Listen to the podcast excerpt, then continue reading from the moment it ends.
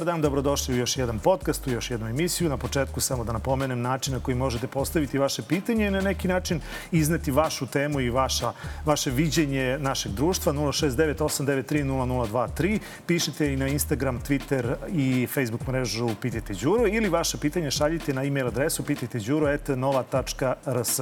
A ja sam još odavno imao uh, nameru da pozovem profesora Ratka Ristića ovde u gosti konačno je došao taj trenutak da li zbog toga što je on kandidat kandidat za gradonačelnika Beograda ili e, samo zato što e, ima dosta interesantnih tema koje nismo obradili u ovoj emisiji, e, pa ćemo to danas uraditi. Moj, moj gost, profesor Ratko Ristić, dobro dan, dobrodošli. Dobar dan, Đuro, hvala što si me pozvao i drago mi je što sam ovde. E sad ovako, mi se jesmo sretali i nekako uvek tema je bila vaša stručna ekspertiza, dakle Šumarski fakultet i ono što se tiče vašeg stručnog delovanja. I to će biti tema prvog dela emisije, dakle, pa na samom početku da vas pitam šta se dešava trenutno sa Rio Tintom. Dakle, oni jesu utihnuli, preduzeće Rio Sava i dalje postoji. E, vlada se u ovoj predizbornoj kampanji e, skoro da ne oglašava po tom pitanju. E, kakve su vaše informacije, pošto ste čovjek koji dolazi sa terena i nekako ljudi koji žive u svim tim krajevima, a i rođen ste u Loznici, koliko znam, pa pretpostavljam da imate informacije iz prve ruke. Pa pre nego što odgovorim direktno na to pitanje, moram da kažem da je danas bila jedna lepa manifestacija, sajam etno hrane i pića na Beogradskom sajmu. Ja sam otišao na poziv mojih dragih prijatelja koji su vrhunski proizvođači kvalitetne hrane. Mnogi su proizvođači organske hrane koji dolaze iz svih delova Srbije i koji nekim čudnim sticajem okolnosti jesu ljudi iz krajeva gde je planirano neko rudarenje, između ostalog i rudarenje litijuma. Evo ovde imamo beđ Ne damo Jadar od mojih prijatelja iz Gornjih Nedeljica, ali tu su i ljudi iz Pranjana, iz Levča, iz Dobrinje, sa Stare planine i praktično na tom sajmu vidimo diverzitet i lepotu svega onoga što Srbija može da proizvede. I kada to vidite, znate te ljude, znate kako žive, jasno vam je da neki projekti koji su namenjeni Srbiji jednostavno treba da budu zaustavljeni. Što se tiče kompanije Rio Tinto, to je jedna globalna korporacija, druga po snazi na svetskom nivou, posle Imperial Metals, oni i dalje imaju svoju firmu čerku Rio Sava i oni nastavljaju svoje aktivnosti u Srbiji, verovatno u nadi da će doći neka vlast koja će imati razumevanje za njihove lukrativne potrebe, ali isto tako jedan konglomerat rudarske korporacija istu stvar radi sa one strane Drine, dakle i na području Republike Srpske i na području Federacije Bosne i Hercegovine i praktično završeno su istraživanja i u Loparama bi trebalo da bude otvoren rudnik litijuma iz podzemne eksploatacije iz minerala koji je sličan jadaritu, ako ne istovetan, sa isto rizičnom i opasnom tehnologijom kako je bilo planirano i u Loznici. I praktično Srbija, kao i Bosna i Hercegovina, je deo nečega što se zove neokolonijalni koncept, gde licemerna Evropska unija hoće da se oslobodi zavisnosti od kritičnih mineralnih resursa od Kine, Rusije i od Afrike i sve to što im treba, hoće da eksploatišu na Balkanu, iako u matičnim zemljama, govorimo o Francuskoj, Nemačkoj, govorimo o Skandinaviji, pa i o Britaniji, iako nije više član Evropske unije, sve to oni imaju i tamo, ali hoće da krenu od Balkana. I mi treba da sačuvamo naš zdrav životni prostor i pre svega zdravlje naših ljudi.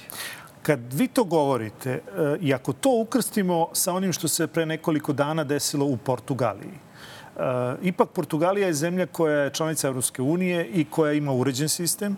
Tamo je pala vlada zbog toga dakle pričam o, o onome što je nameravano da se uradi kod nas, ista ta priča ili skoro slična priča je e, nameravano da se uradi tamo. Možemo li se mi sa ovakvim sistemom koji imamo, kogod došao na vlast, dakle, da li ovi ostali koji su na neki način prikriveno odustali od, e, to jest odustali, a onda prikriveno i dalje ne odustaju od projekta Rio Tinto, da li se mi možemo uopšte odupreti takvom jednom sistemu kao što, kad vi kažete da je to druga kompanija na svetu?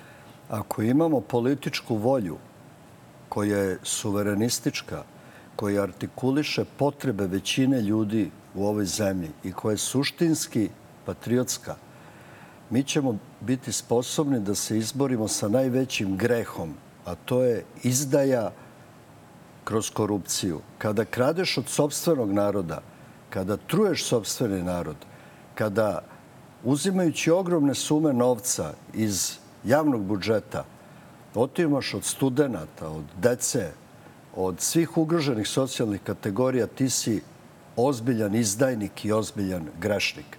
Ovo što se desilo u Portugaliji, govorimo o oblasti Monte Alegre. To je region tradicionalne poljoprivredne proizvodnje koji su Ujedinjene nacije stavile na mapu svetski vrednih poljoprivrednih regiona zbog tradicije i diverziteta onoga što se tamo proizvodi. Tamo su hteli da unište oko 800 hektara radi rudarenja litijuma. Pobunio se narod, pobunili su se ljudi sa univerziteta, iz nevladinog sektora i sa medija i vlada je povukla projekat. I onda je počela jedna specijalna operacija, jedan mali hibridni ratić, ja to volim tako da zovem, da se javnost Portugalije preumi i da se angažuju neki političari koji su angažovani koruptivnim novcem.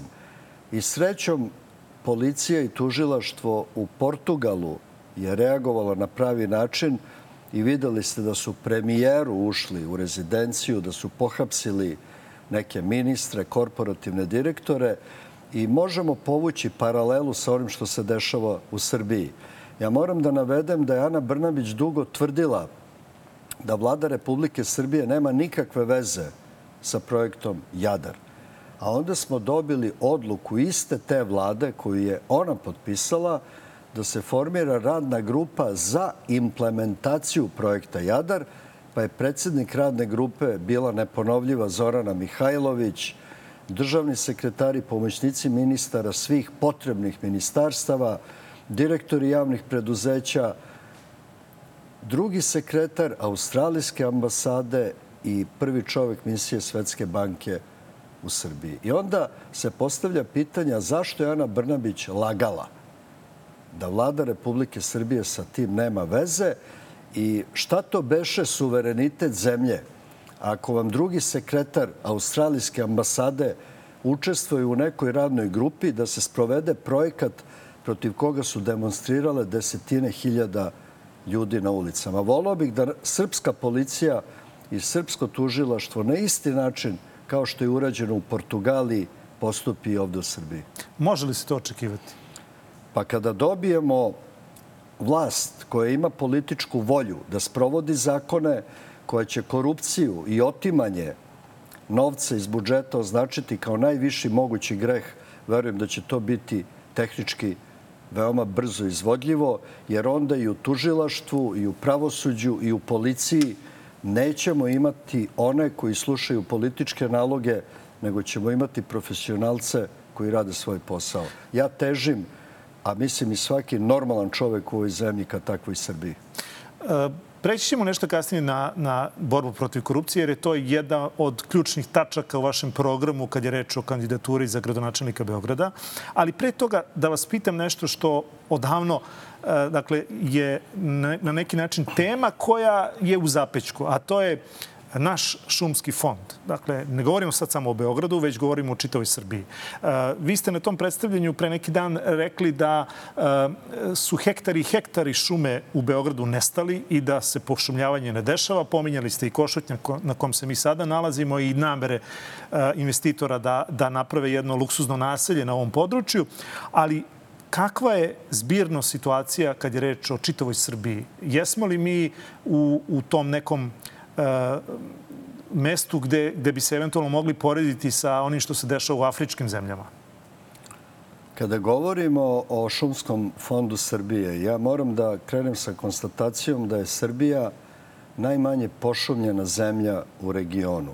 To je prema nekim procenama oko 32 do 3 procenta nacionalne teritorije. Svi imaju više od nas. I susedna Makedonija, Bosna i Hercegovina neuporedivo više, delovi Vojvodine, neke opštine kao recimo Srbobran, Vrba, Skikinda, su među najslabije pošumljenim delovima Evrope. Te opštine imaju na nivou 0,8 do 1,3 procenata šumovitosti. I moram da kažem da je Srbija najsiromašnija zemlja u regionu autohtonim, dakle, sobstvenim površinskim vodama. I postoji jedna ozbiljna interakcija između šuma i voda. Dakle, naš imperativ je da do 2050. dođemo do stepena šumovitosti od 41,4%, što je u ekološkom smislu optimum. To zahteva pošumljavanje oko milion hektara. Cena toga je 2,2 milijarde evra, što za period do 2050. godine, kad bi krenuli sada radimo, nije mnogo. Od toga oko 187.000 hektara u Vojvodini, a ostatak u ovom delu Srbije. Ja moram da kažem da je Šumski fond Srbije ugrožen. Imamo neke prirodne faktore, progresije nekih štetnih insekata, nekih gljiva, šumske požare, ali i na jugu Srbije, na administrativnoj granici sa Kosovom i Metohijom, imamo svakodnevne upade Arbanasa koji su naoružani i sa mehanizacijom bukvalno kasape naše šume u, tem, u tom delu. Postavlja se pitanje zašto država ne reaguje? Zašto tamo nemamo vojsku ili formacije koje mogu da spreče i da pohapse te arbanase koji ugrožavaju ne samo šumu, nego i ono malo preostalog stanovništva u tim rubnim selima na samom administrativnom području. Takođe, malo se radi na pošumljavanju i taj posao bi u najvećoj meri trebalo da preuzme javno preduzeće Srbija šume, ali uz ozbiljnu podršku vlade Republike Srbije kako bi se definisali imovinsko-pravni odnosi što se tiče zemljišta. Mi imamo apsolutno dovoljne i veoma kvalitetne stručne kapacitete da to uradimo. Zašto se to do sada ne, nije radilo? To jest, kad je počelo ajde nazvaću je ja erozija, vi me sad ispravite, je li to pravi naziv, ali može da se možda reći tako, dakle, erozija onoga što se zove šumski fond. To je dobro pitanje i to ćemo uvek imati dogod politika imenuje direktore javnih preduzeća i dok god političke partije imaju uticaj na poslovnu politiku u onim segmentima gde bi samo stručni kriterijumi, kompetentnost ljudi i njihove zasluge i njihove reference trebalo da budu dominantni. Dakle, onog trenutka kad izbacimo uticaj politike, konkretno iz javnog preduzeća Srbija šume, kada budemo imali diplomiranog inženjera šumarstva na čelu tog preduzeća, što sada nije slučaj, i kada budemo imali otklon svih političkih struktura, koji je veoma jak u poslednjih 30 godina, i kada javna preduzeća prestanu da budu tajna sredstva za isisavanje novca iz budžeta, e onda ćemo imati i u tom segmentu pravi odnos prema onome što Srbiji treba. Ajde sad da pređemo na Beograd. Dakle, e, vi rekoste u planu koji ste predstavili pre neki dan vezano za Beograd, jedna od tačaka je endemska, tako ste je nazvali, endemska borba protiv korupcije. E, ja sam slušao vaše opšteno izlaganje i ono što mi je zapalo za, za uho jeste upravo to da Ukoliko, dakle, to je bio moj zaključak, ukoliko se zaista mislite izboriti sa endemskom korupcijom koja je u Beogradu, ne samo u Beogradu, ali u ovom slučaju pričamo o Beogradu, da li je vama jasno da ćete vi morati da pohapsite hiljade ljudi? Ja lično neću hapsiti nikoga, ali ćemo napraviti nešto što je kancelarija gradskog revizora, koji će imati ovlašćenja da sa finansijskim autoritetima, sa policijskim autoritetima sprovodi istrage. E, Srbija, ako nije sposobna da se suoči sa problemom korupcije i ako nije sposobna da pohapsi one koji se bave korupcijom, koji se bave politikom da bi bili u prilici da se bave korupcijom i da uzimaju ogroman novac, ako Srbija ne može u kulturološkom, u civilizacijskom smislu s tim da se izbori, mi onda nemamo nikakvu šansu na opstanak. Ako vi šetate Beogradom, pa vidite K distrikt, na primjer, koji je napravljen i ugrozio je ambijentalnu celinu Beogradske tvrđave, zatvorio vizure, pokrio arheološke lokalitete, fizički sprečio pogled z Dunava prema Kalemegdanskom platovu, vi se onda pitate, a ko je potpisao da se ovaj projekat izvede? Zašto je on to uradio? Kako je to moguće? I ako pratite te tragove novca ili ako znate da je Beogradski sajam zaštićen 2009. godine, pa onda neki genije koji je bio direktor sajma iste godine traži da se režim zaštite odnosi samo na halu 1. Pa ako ovi iz Beograda na vodi razmatraju prostor Beogradskog sajma za, kao pogodan za dalju izgradnju stanova namenjenih prodaji, vama je jasno da tu ima puno materijala za finansijsku policiju, za policiju, za tužilaštvo i da ne govorimo o javnim nabavkama. Beogradsko saobraćajno preduzeće, nabavke autobusa, nabavke delova, koliko to košta, jer te cene odgovaraju onome što je na tržištu. Dovedite investitore koji zidaju zgrade po Beogradu. Pitajte ih koliko para treba da daju pre nego što dobiju lokacijske uslove. Pa naravno da imamo koruptivni sistem koji je etabliran i koji je žilav i čak neki iz tog sistema kažu mi smo zimzeleni političke garniture dolaze, one su listopadne, menjaju se, ali mi smo uvek tu i mi ćemo uvek svakog da podmitimo. E kada srpsko društvo stekne otpornost na taj pogled na život i kada počnemo ozbiljno da se borimo protiv toga, ta kula od karata, kao u filmu Gospodar prstenova, će se srušiti vrlo brzo. Kad pominjete rušenje, meni nekako mi uvek u podsvesti rušenje Šilerove.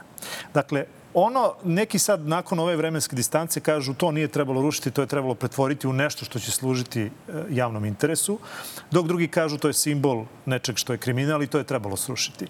Pa kad vi sad govorite, kad pominjete K distrikt, kad pominjete Beograd na vodi, kad pominjete Beogradski sajam, možemo tako da nabrajamo u nedogled. Mislite li da danas sutra kao gradonačelnik biste imali podršku naroda da kažete ja hoću da strušim K distrikt jer je to nelegalno sagrađeno, sagrađeno na kulturno-istorijskom eh, na kulturno-istorijskoj celini, ugrožava Beograd u svakom njegovom smislu ili recimo da kažete šta ćemo s Beogradom na vodi. Dakle, ja čujem od vaših kolega u ovom smislu kandidature za gradonačelnika skoro identične rečenice, a to je da je Beograd na vodi gotova stvar, da je to na neki način e, nešto što sad nema nazad, Ali kako onda ići napred ako, ako ne podvučemo crtu i za primjer ne kažemo ovako ne može, ovako nije smjelo da se radi, rađeno je protivzakonito i ishodno tome mi ćemo ovo da srušimo? Odgovor je sledeći. Desetine hiljada ljudi živi tamo. Vi ne možete sada desetine hiljada ljudi od kojih možda mnogi nisu ni znali šta kupuju, gde kupuju, kako su obezbeđeni legalni papiri. Dakle, ne možete unesrećiti desetine hiljada ljudi što ćete to srušiti. Ali šta može da se uradi? Može da se zaustavi svaka dalja politika investitorskog urbanizma. Mogu, može da se ispita odgovornost onih koji su u finansijskom smislu upravljali projektom Beograd na vodi, pa da vidimo da li su uplatili naknade za gradsko građevinsko zemljište direkciji za izgradnju grada Beograda. A nisu? To ćemo da vidimo tek kad bude istraga. I svi oni treba da odgovaraju krivično. I to treba da bude pokazna vežba da se takve stvari nikada više ne ponavljaju. Inače, ima zemalja, recimo u Kini se ruše ozbiljne građevine, ozbiljni kompleksi kada se utvrdi da je nešto rađeno na nelegalan način. Nažalost, ovde su menjani zakoni, donošene su različite odluke vlade i grada i praktično imate pravni put često u tim papirima da bi se sproveli ti štetni projekti ali mi možemo da insistiramo na poštovanju javnog interesa. Šta je javni interes? Pa to je ono što zadovoljava potrebe većine ljudi u bilo kojoj zajednici. Dakle, Beograd na vodi u svojoj prvoj fazi, kad je ono džubre raščišćeno, porušene one straćare, radionice i tako dalje, imao je puno smisla. I druga faza trebalo je da bude izgradnje jednog džinovskog sistema zelenih površina gde bi se ostvarila komunikacija između grada i reke, gde bi imali šetališta, male mikroambijente za decu, za starije, za osobe s posebnim potrebama.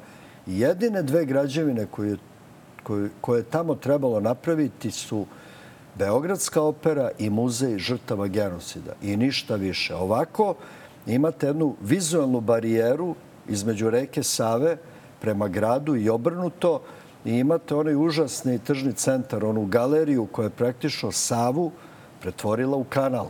I Vučić me prozvo iz Pariza kad je ginuo za Srbiju tamo. Ove, ima vremena čita dnevnu štampu i čito je moju izjavu u kojoj sam ja rekao da je Beograd na vodi urbanistička nakaza.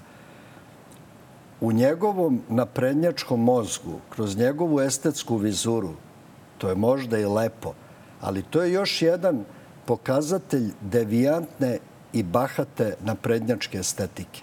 Dakle, ne bih rušio, unesrećili bi puno ljudi, ali bih sve takve projekte u budućnosti apsolutno zaustavio i napravili bismo savet grada. Šta je to? To je jedno telo od najvećih stručnjaka u raznim oblastima. Bilo bi tu i arhitekata, i prostornih planera, i inženjera, i pisaca, i glumaca.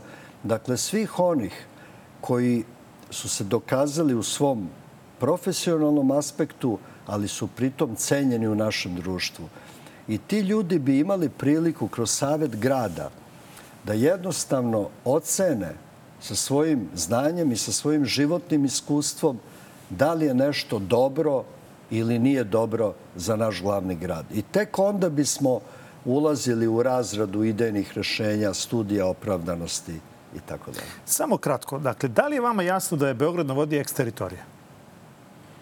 Pa to će moći tek da utvrdi ovaj, jedna ozbiljna istraga. Ja se samo zgražavam na činjenicom da je zadužbena Luke Ćelovića Trebinca, Beogradska berza, odnosno kasnije Geozavod, što je primarno bila štedionica i deo je pripada univerzitetu u Beogradu. To su komunisti oteli, kao i mnogo toga, posle 45. i umesto da se vrati gradu Beogradu i univerzitetu u Beogradu dato je onima koji prodaju stanove u tom kompleksu Beograd na vodi. I Beograd na vodi, oni se hvale da je to novi grad, prelep grad.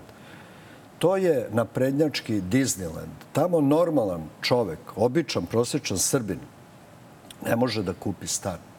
To je jedna virtualna srpska stvarnost. I oni se uljuljkuju u tome da su uradili nešto monumentalno vredno, u stvari svima nama su oteli nešto što je moglo da bude zaista humanizacija prostora Beograda. I što se tiče eksteritorijalnosti, ne znam te detalje, ali ako je to tako, oni koji su doveli do toga treba ozbiljno da budu procesuirani i da krivično odgovaraju.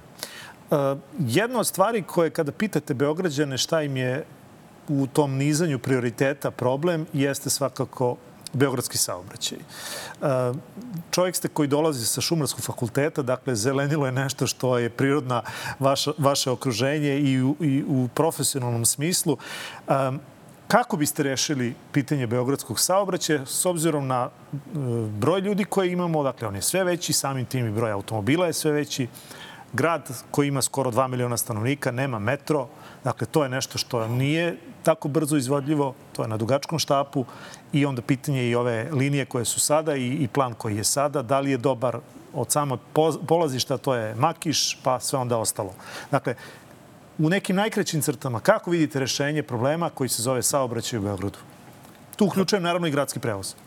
Za početak, gradsko saobraćajno preduzeće, odnosno autobusi, trolejbusi, tramvaji, nije dobra pokrivenost svih delova grada, to je Prvi element, mi moramo da napravimo kvalitetne uslove i za hiperurbane delove Beograda i za predgrađa, ali i za ruralne delove Beograda, jer ne zaboravite, govorimo o 17 opština, o gotovo 3500 km kvadratnih teritorije. Nabavka novih vozila, svakako, povećanje broja vozača, povećanja, povećanje plata vozačima, značajno, da ne bi imali stalan odliv, smanjenje ljudi koji rade u administraciji, centralizovane javne nabavke kako bi se novac valjano trošio i stroga tehnička kontrola onoga što izlazi na ulice da nam se ne raspadaju zlobni autobusi, na primjer što smo imali pre neki dan, ili da ne dolazi do samozapaljenja. To bi bio prvi segment. Drugi segment bi bio nabavka novih kompozicija i češći polasci beovoza, pogotovo u špicevima, znači ujutru kad se ide na posao i popodne kad se ljudi vraćaju iz posla. Takođe, revitalizacija ideje o rečnom saobraćaju. Beograd ima 100 km priobalja koje bi moglo da posluži. I imamo stare planove koji su stari 34 godina. Što se ne bi ljudi vozili od Obrenovca recimo do Brankovog mosta ili od Zemuna do 25. maja Milan Gale Muškatirović centra. Dakle, to je neverovatan potencijal. Taj prevoz ima London, ima ga New York. Ima ga Istanbul. Ima ga Istanbul. Mi to uopšte ne koristimo. Smanjili bi značajno broj učesnika u ovom drumskom saobraćaju. I naravno imamo metro.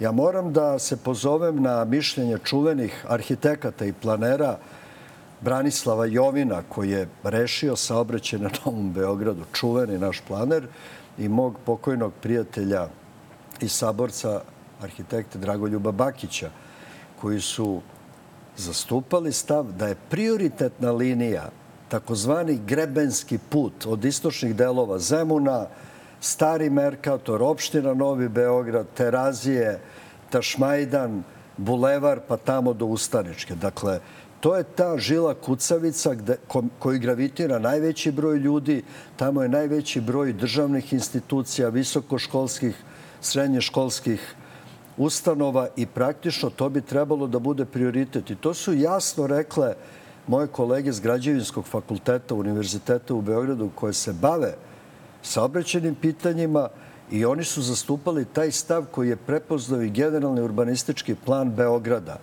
I zato što to nije usvojeno, taj logičan stav, oni su istupili iz svih daljih priča o metrovu. Postavlja se pitanje, pa kako neko može da ne uvaži stav eksperata koji se saobraćajem bave na najprofesionalnijem mogućem nivou. I dobili smo liniju koja kreće iz Makiša, dobili smo potencijalno ugrožavanje vodoizvorišta, jer Makiš je vodoizvorište Beograda. Dva miliona ljudi pije vodu odatle. I neće biti samo metro. Biće gradnje zgrada, stanova, biće investitorskog urbanizma. I da li je moguće da mi ugrožavamo jedan tako fragilan prostor koji umesto da prioritetno služi najvažnijoj nameni, a to je napajanje stanovništva vodom. Mi ulazimo u jednu čudnu koncepciju metroa koji treba da krene odatle, da prođe 3-4 stanice koje su nikako ili slabo naseljene i onda se pitate a možda neko zna da će to biti izgrađeno i bit će veoma gusto naseljeno. I opet se vraćamo na onu priču javni interes, planiranje, investitorski urbanizam i tako dalje. E, vi ste na Šumarskom fakultetu na oceku za vodoprivredu erozionih područja i znam da ste u vašem e, programu pominjali i um, otpadne vode. Dakle, Beograd je grad koji otpadne vode izliva direktno u Dunav. Uh, zar je moguće da, da u 21. veku nevezano za kojoj političkoj partiji pripadate, nevezano um, koliko to novca košta, ali zar to nije prioritet na prioritetima, možda u tri najveća prioriteta bilo koje vlasti? Dakle, zašto to do sada nije urađeno? Dakle, pominje se to veliko selo, taj interceptor, ali sem tog pominjanja i tamo bušenja, te, to je odrađeno, mi nemamo finalizaciju tog projekta. Pa sve ste lepo rekli. Dakle, tunel Interceptor je probušan još pre deseta godina robotizovanom mašinom. Tamo treba da se uloži 600 do 800 miliona evra za taj džinovski sistem za prečišćavanje fekalnih i otpadnih voda da bi se u Dunav izlivale vode druge A klase, koliko se sećam prema studiji opravdanosti. Zašto je prošlo deseta godina, da ništa nije urađeno, to je pitanje i za republičke i za gradske vlasti. E, imamo velike delove Beograda koji nemaju kanalizaciju. Recimo Kaluđerica nema kanalizaciju. Onda recimo Jajinci koji su tu na domak ajde, urbanih delova ove voždovce. Vi se onda pitate pa šta je to prioritet? Je li prioritet da pravimo nacionalni stadion od 628 miliona evra i ove stadione širom Srbije ili da rešavamo vitalne infrastrukturne probleme od kojih direktno zavisi kvalitet životne sredine i zdravlje ljudi. Znači, rešavanje problema otpadnih voda jednako je nacionalni stadion. Kada to pretvorimo u novac, je li tako? Ne Otprilike, tu negde. Skuplje, neznatno skuplje. I da se vratim, zaboravio sam ovaj, da vam pomenem kada je u pitanju saobraćaj. Vrlo je važan i te aspekt bezbednosti. Mi recimo imamo na delu Ibarske magistrale kroz opštinu Barajevo vrlo nebezbedna uključenja i isključenja sa Ibarske. Tamo treba napraviti nekoliko kružnih raskrsnica. Takođe u Barajevu na autobuskoj stanici gde gomila sveta cirkuliše, dečice iz neke škole idu, zglobni autobus ide u Rikverc, jer nema gde, gde da, da se okrene. I izlazi na glavni put.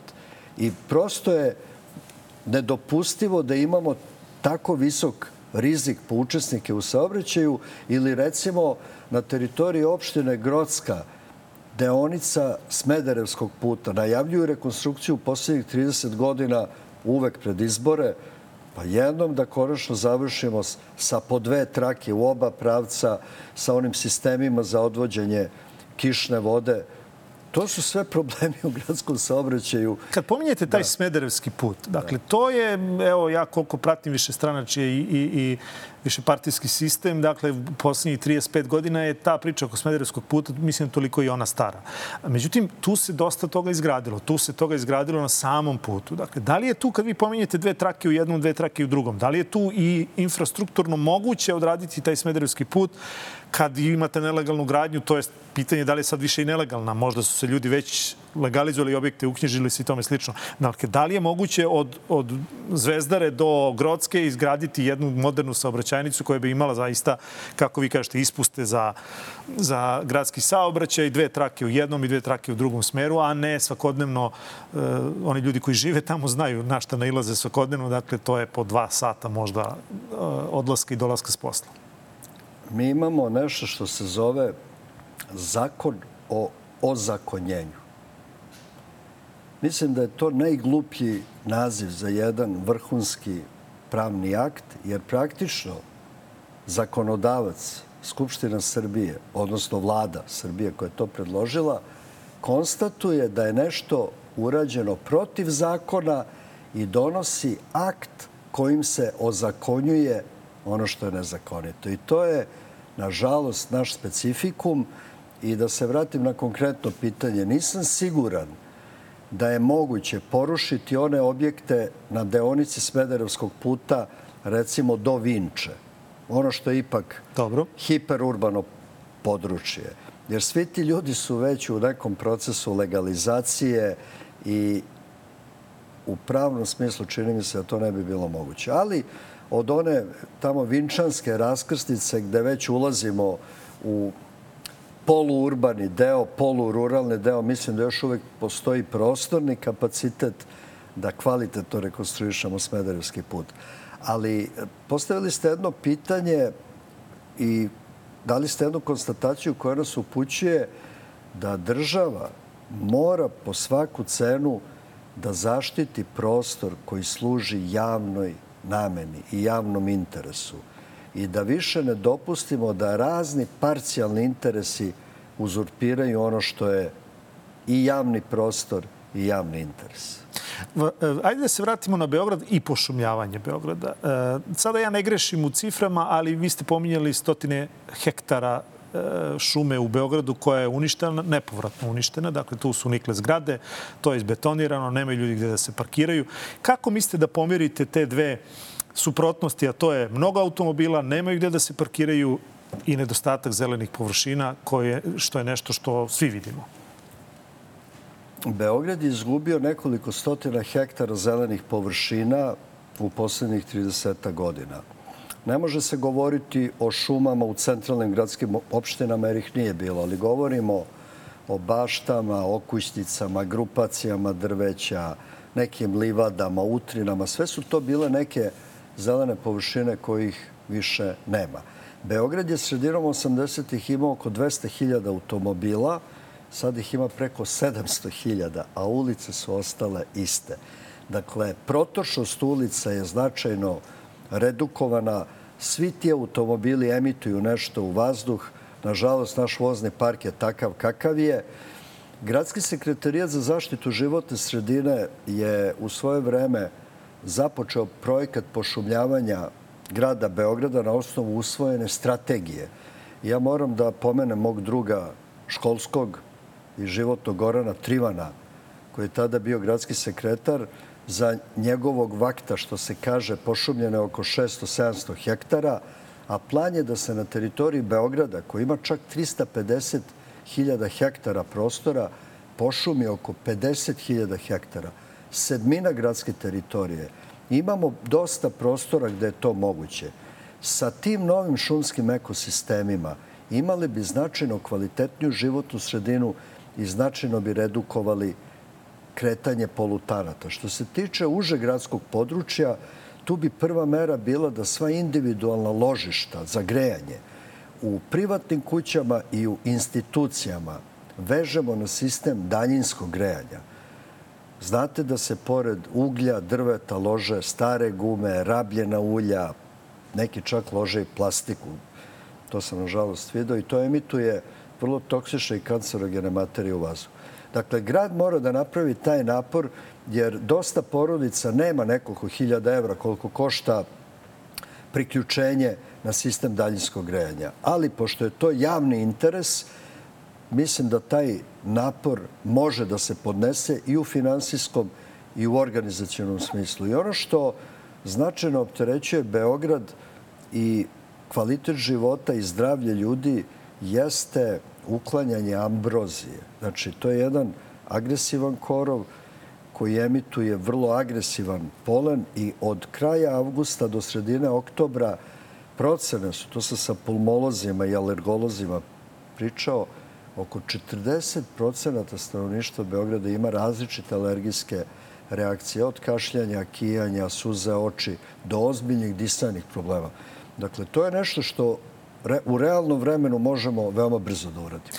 To znači da bi grad finansirao priključenje daljinskog grejanja za ona ložišta koja nisu do sad priključena i za individualna ložišta, to jest kuće i zgrade, manje zgrade, to bi onda grad finansirao. To bi bila politika nove gradske uprave. Kad pominjete Ambroziju, tu je tu se zaista slažem sa vama da je tu veoma jednostavno e, rešenje. E, do duše, u, u nekoj prethodnoj vlasti, sad se više ne sjećam ni ko je tad bio gradonačelnik i u suštini je i nebitno, i tekako se o tome vodilo računa. Dakle, one javne površine koje su ničije, o njima je ničije. Kolokvijalno, dakle, stare, staro preduzeća koje su propala i tome slično, o tome je grad vodio računa i o svom trošku kosio tu ambroziju, a one površine čija je namena, to jest gde se zna vlasništvo, tu su se izdavale rešenja da to vlasnik mora da uradi. Zašto se od toga odustalo? Dakle, to je nešto što, što zaista je lako, lako, lako rešiti. Ja ne znam zašto se odustajalo od efikasnih rešenja. Videćemo i tako u buduće neće moći. E, moram da napomenem, kad ste pomenuli malo pre e, da ljudi lože raznorazna, e, raznorazne materijale. Iako je ta priča uvek kad se dotakne bilo ko te priče, onda se ide na osetljivu populaciju, govorimo o nehigijenskim naseljima. U tim nehigijenskim naseljima širom Beograda živi neki podatak od 35, čini mi se, hiljada ljudi a, i ima ih preko 150 tih nehigijenskih naselja. Kako biste to rešili? Pa prvo ti... Jer neki kažu, izvinjavam se, neki kažu da je te ljude jako teško e, možda je gruba reč uterati u sistem. Dakle, da su to ljudi koji su navikli da sakupljaju sekundarne sirovine, da su neškolovani, kao što znamo svi da i jesu. Ali prosto ti ljudi ne smeju da budu problem, oni moraju da budu rešenje. Pa tim ljudima treba pristupiti jednostavno ljudski. Ja sam odrastao na Ceraku, to je predgrađe Beograda. Ja živim na Ceraku. I bilo je romsko naselje. Ja sam se družio s njima. Išao sam na rođendane, išao sam na svadbe njihove. Dolazio sam kod njih u kuće, oni su dolazili kod mene. Ovaj, tim ljudima treba ljudski pristupiti.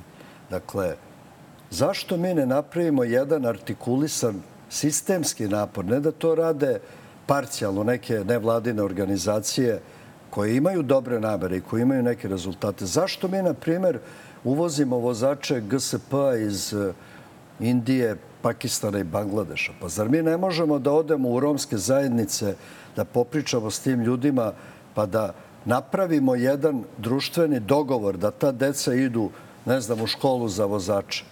Pa zašto mi uvozimo radnu snagu iz tih pomenutih destinacija u građevine? Pa zašto ne edukujemo naše Rome koji su tu? Zašto ne učinimo da oni ne budu marginalci koji se bave svim i svačim? Zašto im ne pružimo ruku da ih uvučemo na jedan ljudski, konstruktivan način u sistem, da se osjećaju dobro?